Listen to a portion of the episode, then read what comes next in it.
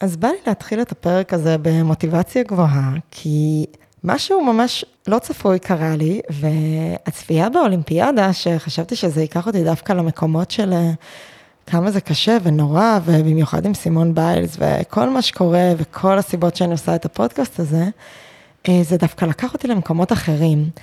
והאולימפיאדה, הצפייה בה ממש אה, הזכירה לי את האהבה שלי לתחרות, לספורט, להישגיות הזאתי. לקחת את עצמנו לקצה, לשמחה הגדולה של המנצחים, לעשות את הבלתי יאומן, אה, לאהבה שלי לעצמי בעצם. וזה פשוט אפשר לי להיות אה, ברגע הזה. כשהסתכלתי על הדברים, באמת להתמסר, באמת לרצות מהמקום הכי כן, ש, שאנשים יצליחו, במיוחד הישראלים, אבל לא רק, באמת, את האנשים האלה שעבדו כל החיים בשביל משהו אחד, והנה זה מתנקז לזה, ולהצביע דווקא על הדברים הכי חיוביים בזה.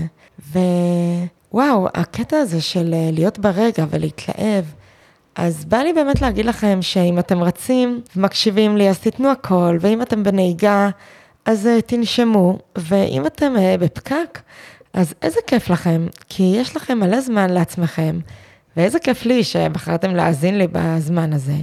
ובאמת הקטע הזה של להיות כאן ולהתלהב, ולדעת שזה, אפשר גם להתלהב מהדברים הקטנים. אז הפרק הזה שמאוד מאוד התלבטתי אם להעלות אותו, והיה לי מאוד קשה גם לחשוב שלהעלות פרק משלי, אם זה הזמן, ואם אני בכלל אה, מספיק טובה לזה, ואם ירצו להקשיב לי, אז אה, כן, אז הפרק הזה בא לחגוג את הניצחונות הקטנים האלה, שבשבילי הניצחון זה לעשות את הפודקאסט ולהעלות פרק שאני עכשיו מקליטה. ותחשבו באמת מה זה הניצחונות שלכם, וכמה ניצחונות אנחנו מפספסים, ניצחונות שלנו שאנחנו לא מגדירים אותם כניצחונות, מגדירים אותם ולא מתרגשים מהם. כל מיני ניצחונות שאנחנו בכלל אה, לא שמים אליהם לב, והגיע הזמן שנתחיל. אז אה, אני רוצה לשאול אתכם, איפה בחיים שלכם קורה שאתם כל כך צריכים להצטיין, כל כך צריכים לנצח, כל כך בתחרות, כל כך צריכים להיות הכי טובים, שבאמת אתם מרגישים שאו שזה יהיה מושלם, או שזה לא יהיה בכלל. כל כך צריכים לעמוד בציפיות של עצמכם ושל הסביבה ולא לאכזב, עד שאולי אפילו הפחד הזה מלטעות, מלא להצליח, פשוט משתק אתכם. משאיר אתכם במה שנקרא אזור הנוחות, אבל הוא לא, הוא לא באמת נוח, הוא לא מאפשר לנו לחלום ולחלום בגדול. ולהציב מטרות שאתם מאמינים, או אולי אפילו לא מאמינים שאתם מסוגלים להשיג. דברים כמו העלאה בעבודה, או לצאת לדרך עצמאית, או להתחיל להתאמן, או להגיד בקול רם, זו, זאת התוצאה שאני רוצה לעשות, זה השיא שאני הולכת לשבור, זאת המטרה שלי. כי קשה לדעת כמה אנחנו באמת שווים, וקשה להצהיר על זה בפומבי, כשיש כל כך הרבה רעשים מסביב. אה, רעשים שבאים מבחוץ ומבפנים, רעשים שאומרים לנו אחרת. וגם יכול להיות שאתם מאזינים לי עכשיו ואומרים, וואי, זה כל כך לא אני, כי אתם כן מצליחים לפעול ולהשיג את המטרות האלה שהצבתם לעצמכם, כי אתם לא מוותרים, בכל מחיר, בכל מחיר אתם תשיגו את המטרה. אתם מכירים את עצמכם. ואין סיכוי שזה לא יקרה, אבל uh, אז זה קורה, וכשאתם שם, שהשגתם את המטרה, מה עכשיו? אתם מסתכלים אחורה? נהניתם מהדרך? אתם מפרגנים לעצמכם על הדרך? או על היעד המטורף הזה שאתם בכלל לא עמדתם בו? שישר אתם ממשיכים לרוץ הלאה ליעד הבא? וכמה לחץ אתם שמים על עצמכם בדרך הזאת, במרדף למטרה, לניצחון, לקו הסיום? האם אתם משתפים את עצמכם ואת הסביבה עם מה שאתם מרגישים, והאם הדברים הלא טובים? כי זה קשה לתת לזה מקום, במיוחד היום, בעולם הזוהר הזה של הרשתות החברתיות, שהכל זוהר ונוצץ, ויותר קשה לחשוף ולהיחשף. ועם כל כך הרבה לחץ ואומץ וציפיות, אתם מספיקים גם לעצור, להאט, להביט מסביב, ליהנות מהדרך המדהימה הזאת שאתם עושים בטיפוס שלכם למעלה? כי הנה, שוב אני חוזרת לסימון ביילס, שנתנה לנו את האפשרות כן לעצור ולדבר. ונראה לי שאם לא נאט לפעמים, אז יכול להיות שנשבר. ואם נקשיב לכל מה שאומרים לנו, לכל העצות ולכל ה... לא יודעת, גם העידוד וגם ההפך, אז מתי נספיק להקשיב לעצמנו ולהיות בטוחים, אבל באמת ככה מבפנים, לדעת בוודאות שמה שאתם עושים ומה שאני עושה זה הכי טוב. הכי טוב בשבילי, וללכת על זה, באמת, ללכת על זה בלי פחד. ואם יש פחד, אז ללכת על זה עם פחד. אז uh, אני הולכת על זה קצת עם פחד, כי זה פרק uh, שונה, ואני באמת נורא התלבטתי אם להעלות אותו או לא, אבל uh, יאללה, החלטתי שכן, ואי אפשר בלי מוזיקת פתיחה, אז אה, בואו נצלול לפרק הזה.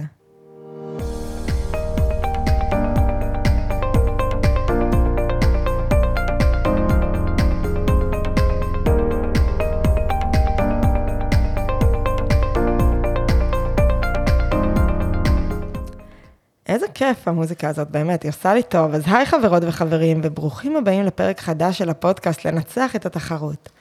בעצם יודעים מה, תמחקו את זה, זה לא בדיוק פרק חדש. זה חצי פרק, אולי אפילו רבע פרק, פרק ביניים. כי מתי בפעם האחרונה הרשיתי לעצמי לעשות משהו עד האמצע? מתי בפעם האחרונה הרשיתם לעצמכם לעשות משהו חצי כוח, רבע כוח, ולהגיד די, זה מושלם, זה מספיק, בשבילי ככה, כמו שזה. ולא לתת את ה... לא, לא להתאבד על זה. כי החלטתי שאני לא יכולה, ולמעשה גם לא צריכה לחכות לעוד פרק שלם. וגם אתם לא. לעוד ראיון מדהים ומיוחד ומרגש ונוגע, לעוד פרק שהוא עולם ומלואו, והחלטתי שלא נחכה לפרק הזה. אה, למרות שבאמת כל פרק בשבילי הוא כל כך הרבה מעבר לזמן ולמחקר שאני עושה ולמחשבה ולהקלטה ולעריכה, זה פשוט זכות, זכות להיחשף אליכם, לעצמי, להיחשף לסיפורים, לכל אותם המקומות האלה, שבאמת כל החיים רק רציתי להעיר עליהם עם פנס. אז התחרות הקשה הזאת עם עצמנו, שהיא באמת קודם כל עם עצמנו, ואז התחרות שלנו עם העולם. המקומות האלה שבאמת רציתי לשים עליהם את הדגש של הצורך הזה להיות כל כך קשים עם עצמנו, והבדידות הזאת שמלווה את המרדף אחרי ההישגים, ואחרי הניצחון, ואחרי להישאר על מה שאני כרגע ואיך תופסים ממני, אם זה מישהו שעשה איירון מן, ואם זה מישהו שהיא ספורטאית, ואם זה כל תחום אחר בחיים. ובטח ובטח התחושות הקשות האלה שמלוות את מה שאולי לפעמים נראה לנו, כן, כמו כישלון, וכמה ביקורת עצמית יש שם, ואיזה מילים אנחנו אומרים לעצמנו. ומה שקרה זה שפתאום גיליתי שזה קורה לי עם הפודקאסט, שאיכשהו שוב חזרתי למרדף, שוב חזרתי לתחרות, אפילו שהבטחתי לכם ולעצמי לנצח את התחרות. ועלו להעביר ארבעה פרקים, וזה נהיה אמיתי. הפרויקט הזה שלקחתי על עצמי. פתאום יש כל כך הרבה פניות של אנשים שרוצים שאני אראיין אותם, וכל כך הרבה פניות שלכם שאומרים לי כמה התחברתם לדברים ורק מחכים לפרק חדש. וכל מיני ספורטאים וספורטאיות שאומרים לי, וואי, אני אפילו לא קלטתי שזה מה שאני סוחבת איתי. והרבה כאלה שאמרו, זה בדיוק זה, זה בדיוק אני, וכל כך הרבה אנשים מחוץ לספורט שאומרים לי, ירדן, זה ככה, אני כל הזמן בתחרות, אני אפילו לא יכולה לצאת לריצה קלה, כי אני לא טובה בריצה. ופתאום הם מבינים שהם לא לבד, וגם הם מבינים שהתחרותיות הזאת היא קשה, כשיש תחרותיות בכל דבר בחיים. והיא לא תמיד לטובתנו, ויכולה להיות כן, ולקחת אותנו למקומות נפלאים, אבל לפעמים היא לא. לפעמים היא מרחיקה אותנו גם מאוד מהסביבה, כי כל אחד הוא מתחרה. וכמו שאמרתי, עוד דבר קרה, שמצאתי שאני שוב בתחרות, שוב במרוץ, במרדף הזה, אחרי ההישגים ש... רגע, זאת לא הסיבה שאני עושה את זה, זאת לא הסיבה שאני עושה את הפודקאסט, זה בדיוק ההפך. והבנתי כמה קל להישאב אה, מחדש לתחרותיות הזאת, לסחרור הזה.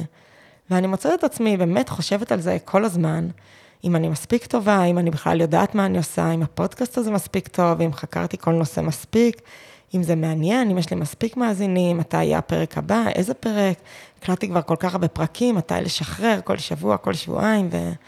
למה זה כל כך קשה לשחרר פרקים שכבר הוצאתי לאוויר? מה, אני עוד עורכת אותם שוב?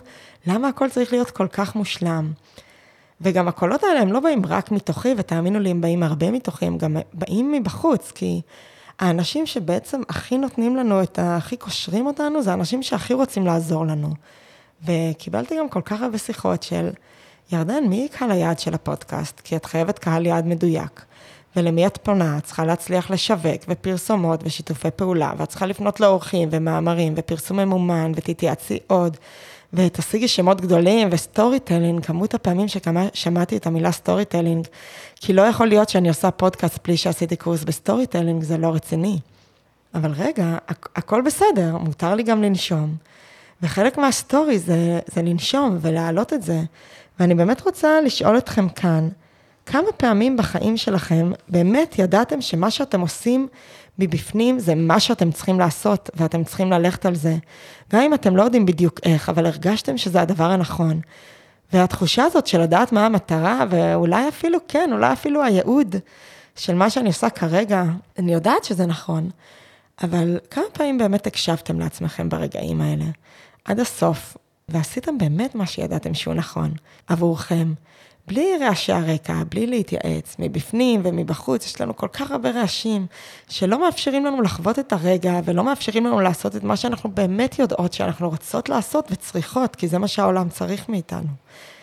אה, וזה מפחיד, וזה לא תמיד מקובל על כולם, וזה לא תמיד מה שמצפים ממני, אבל, אה, אבל זה מרגיש נכון, ואם נחזור עכשיו אחורה, אז אם אני עכשיו מקליטה את הפרק הזה, ואם את שומעת את הפרק הזה, או שמעת פרקים אחרים והתחברת, ואם אתה שומע את זה ואהבת וקיבלת ערך, אז למה אני צריכה לדייק כל כך את קהל היעד? כי אם זה מדויק עבורי, ומדויק עבורך או עבורך, אז זה מדויק. וכל השאלות האלה של מה יקרה אם זה לא יהיה מושלם, ומי אני אהיה אם הפודקאסט שלי לא יהיה הכי טוב, ומה יקרה אם זה לא יהיה ערוך לשלמות, מה יקרה אם אני פשוט אתן לזה ולעצמי פשוט להיות שם באוויר, אז אני מהמרת שיקרה מה שצריך לקרות. וגם השמות הגדולים האלה שאני צריכה להביא, צריכה במרכאות, כל סיפור הוא סיפור גדול עם שם ענק מאחוריו, והחוויות שלנו, גם אם אני לא הגעתי לאולימפיאדה, הן לא פחות חשובות. אה, וזה לא משנה אם עשיתי איזה הישג שהחברה מעריכה או לא, ובאיזשהו, זה באמת גם לא משנה באיזה תחום בחיים. כל אחד מאיתנו באמת יכול לשנות חיים של כל כך הרבה אנשים, ואני ראיתי ואני אקדיש פרקים שלמים לסדרה על נעמי אוסקה ולסרט של מייקל פלפס על משקל הזהב, וכן, דווקא בגלל שהם נוגעים במקומות הכי הכי גבוהים, הם מפספסים הרבה. והפרק הזה, אני מודה שהוא היה אמור להיות על סימון ביילס.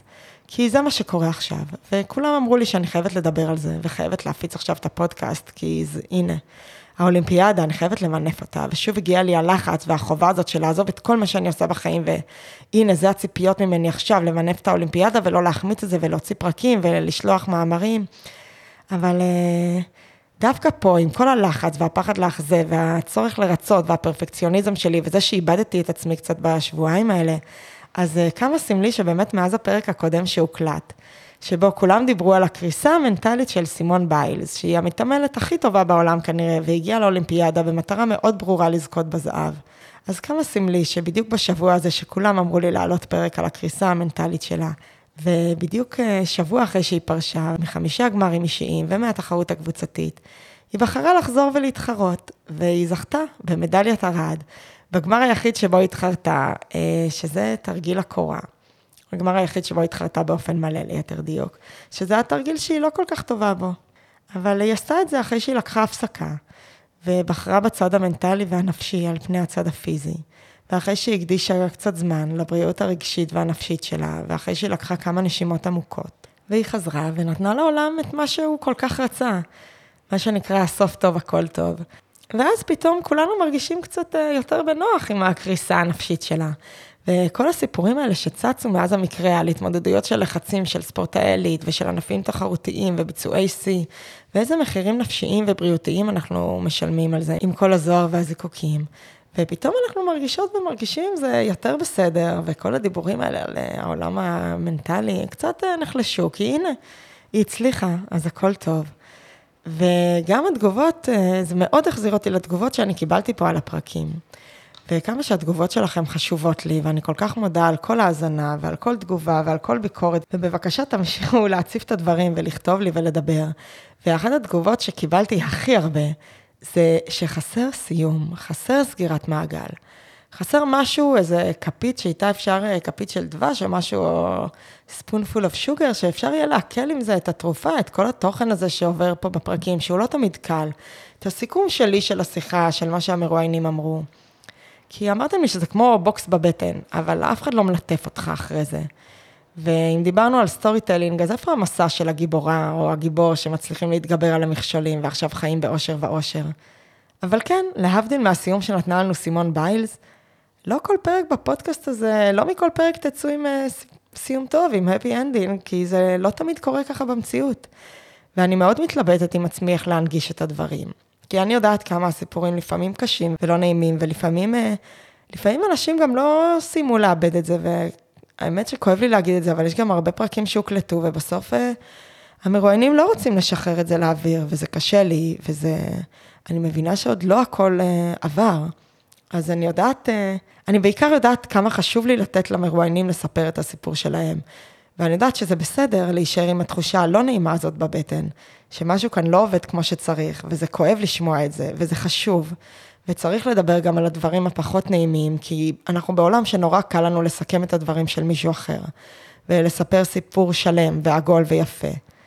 אבל אה, בואו נשאל את עצמנו, זה מה שאנחנו באמת רוצים לעשות? כי לא בשביל זה אני כאן, וגם לא בשביל זה אתם כאן. וגם כמות ההורים וסבים וסבתות באמת שפנו אליי ואמרו, ירדן, את חייבת לעשות פרקים בשביל הורים, ואני מסכימה, ואני אעשה, אבל הפרקים האלה לא יכולים להיות uh, שהכל הפי הפי ג'וי ג'וי, וצריך להיות מוכנים להקשיב לזה. ומפרק לפרק אני מבינה שכדי לנצח את התחרות ואת התחרותיות, בצורה הכי בריאה שיש, ולהצליח באמת להגשים את כל החלומות שאנחנו רוצים, ולא שאחרים רוצים, ולהצליח לעשות את הספורט הזה ואת הדברים התחרותיים, ולדחוף את עצמנו לקצה וגם אחרים, אז צריך לעבור דרך, זה לא בבת אחת, כי הדרך היא חשובה, ואין קיצורי דרך. ויותר מזה, לא רק שאין קיצורי דרך, תגידו לי, מי בכלל רוצה קיצורי דרך? הרי עמוק בפנים, כולנו יודעים שהמסע, שהדרך, זה החלק הכי יפה בכל פסגה שנכבוש, בכל הישג, בכל ניצחון שנשיג. גם אם לפעמים אנחנו שוכחים את זה, קיצור דרך אומר בעצם שאכפת לנו להגיע רק לסוף, לתוצאה, לקו הסיום. ואז מגיע כל הלחץ. וכל היופי הזה, ברגע שאנחנו מנצחים את התחרות, אז זאת היכולת הזאת ליהנות מהדרך. גם כשהיא פחות נעימה, וגם כשקשה, וגם כשכואב, ואולי אפילו בעיקר שקשה וכואב, ללמוד ליהנות מזה ולראות מה אנחנו מצליחים לעשות. כי הפחדים האלה, הכאבים, הקשיים, הם חלק מהמסע של כל אחד ואחד מאיתנו, והם חלק חשוב במסע הזה ממה שמעצב אותנו. לא צריך לברוח מזה, אלא להפך, כי כשאנחנו בורחים מזה, אז מגיעה ההתמוטטות. ואם פרק מסוים תופס אתכם ברגע הזה, שדווקא מצליח לגרום לכם להרגיש, לא משנה מה, להרגיש, אז תהיו עם הרגש הזה. כי זה חלק מהמסע שלי, וזה חלק מהמסע שלכם, וזה חלק מהמסע של המרואיין שאתם מקשיבים לו. ואני שמחה שאתם איתי במסע הזה. ואם נחשוב על זה באמת, ברגע שאנחנו לא נהנים מהדרך, אז גם מהפסגה אנחנו כנראה לא נדע ליהנות. אפילו בדרך כלל אנחנו לא נהנים גם מהפסגות האלה. כי אחד מהדברים בפסגה, זה ברגע שאנחנו מטפסים למעלה, אנחנו לא רואים עוד פסגות. אנחנו יודעים מה המטרה שלנו, ואנחנו מאוד חדורי מוטיבציה. ואז כשאנחנו מגיעים לפסגה, אז גם יש ירידת מתח, שנלמד להתמודד איתה. אבל גם פתאום אנחנו רואים עוד כמה פסגות יש מסביב, שחלקן יותר נמוכות וחלקן יותר גבוהות, אבל אנחנו יודעים שיש עוד פסגות. ואז מתחיל המרדף שוב לעוד פסגה ועוד פסגה. אז לפני שאנחנו כובשים עוד יעד, בואו נשאל, נעצור את עצמנו ונשאל, האם אנחנו באמת יודעים לפרגן לעצמנו? לעוף על עצמנו ככה כמו שצריך, כמו שהסביבה לפעמים יודעת להגיד לנו כמה אנחנו טובים, ואנחנו לא יודעים את זה, ובאמת לעצור ולראות את הדרך המדהימה שעברנו ולהגיד, וואו, זאת הדרך שעברתי, וההישג הזה הוא שלי, ועברתי דרך מטורפת כדי להגיע אליו. אה, וכמה דברים צברתי בדרך, וכמה פעמים נפלתי וקמתי, ועם כמה קשיים התמודדתי. ולדעת לחגוג את ההישג הזה, לדעת גם לעצור רגע ולנשום לתוך הניצחונות האלה, הקטנים והגדולים. כי זה נכון, אני לא יודעת אם אתם יודעים, אבל כמו שהיוונים באמת אומרים, לניצחון יש כנפיים, ולאחרונה מדברים על זה הרבה. שניצחון יש לו כנפיים. כי ניקה, שהיא ילת הניצחון במיתולוגיה היוונית, וגם ההשראה למותג נייקי, שאתם כנראה מכירים, היא הייתה יכולה לרוץ והיא הייתה יכולה גם לעוף.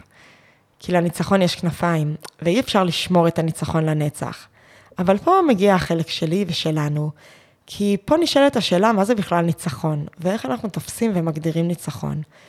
ואם אנחנו כבר תופסים ניצחון אחרת, אז בואו ניתן לעצמנו לתפוס אותו, להחזיק אותו לכמה רגעים, את, את הניצחון הזה, ולכמה זמן נחזיק אותו ומתי נשחרר אותו כדי שהוא יעוף, זאת כבר החלטה שלנו.